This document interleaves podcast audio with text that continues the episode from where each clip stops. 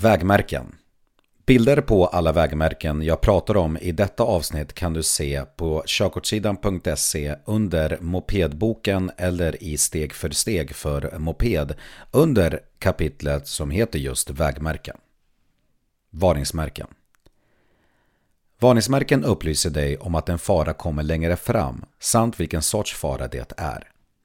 Avståndet mellan varningsmärket och faran varierar men är så pass tillräckligt att du kan vara redo för faran natt som dag. Tänk på att sänka farten samt undvika omkörningar i samband med ett varningsmärke. Eventuella tilläggstavlor kan finnas som preciserar hur långt varningsmärket gäller. Märket ovan varnar för öppningsbar bro. Väjningspliktsmärken Väjningspliktsmärken upplyser dig om vilka väjningsregler som gäller. Förbudsmärken Förbudsmärken upplyser om att någonting är förbjudet.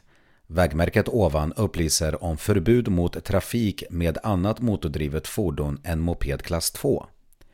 Förbudsmärken gäller till nästa korsning om inget annat anges.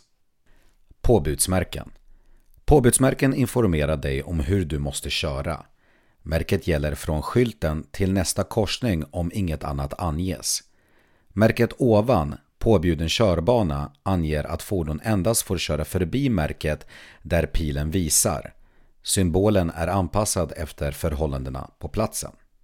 Anvisningsmärken Anvisningsmärken berättar för dig vad som gäller för en plats eller en väg. Anvisningsmärket gäller ända tills det finns ett slutmärke uppsatt. Märket ovan är en motortrafikledsskylt. Lokaliseringsmärken Lokaliseringsmärken kan skilja sig åt i utseende, både i form och färg. Gemensamt för lokaliseringsmärken är dock att du får väganvisningar till platser, orter, inrättningar eller turistområden. Tilläggstavlor Tilläggstavlor finns bara i samband med andra vägmärken för att ge kompletterande information. Tilläggstavlan ovan anger att en parkeringsskiva ska användas mellan 8 till 17 och där man max får stå parkerad i två timmar. Upplysningsmärken Med upplysningsmärken får du information om framkomlighet samt säkerhet.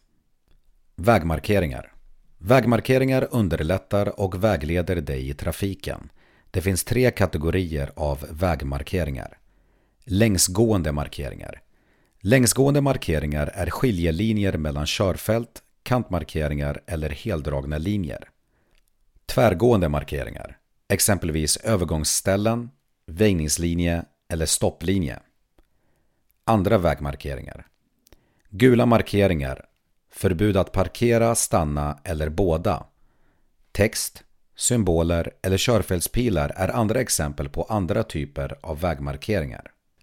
Polisens tecken Polisens tecken går före alla andra anvisningar som till exempel trafiksignaler eller vägmärken. Du måste följa tecknen från polisen. Andra än polisen har också rätt att dirigera eller stanna trafiken.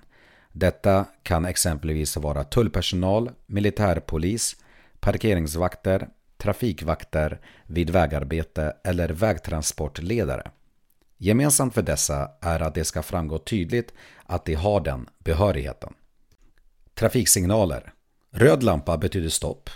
Röd lampa som växlar över till gul lampa betyder att grön lampa snart tänds. Passera inte förrän grön lampa lyser. Grön lampa betyder att det är fritt att köra. Gul lampa betyder att du ska stanna och kan göra en säker inbromsning. Blinkar gul lampa är det ett varningsljus. Trafikregleringen är ur funktion vilket betyder att du behöver sänka hastigheten samt följa anvisningarna från vägmärkena istället.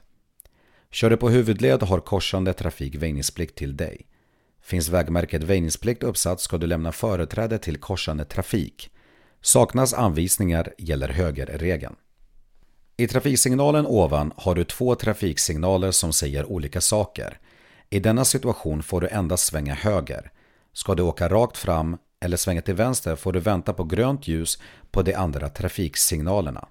För er som inte kan se bilden så finns det två trafiksignaler som fordon kan följa. Trafiksignalen till höger har en grön pil som pekar till höger och den får fordon som ska bara svänga till höger följa. Alla andra fordon har ju rött och de får inte köra vidare.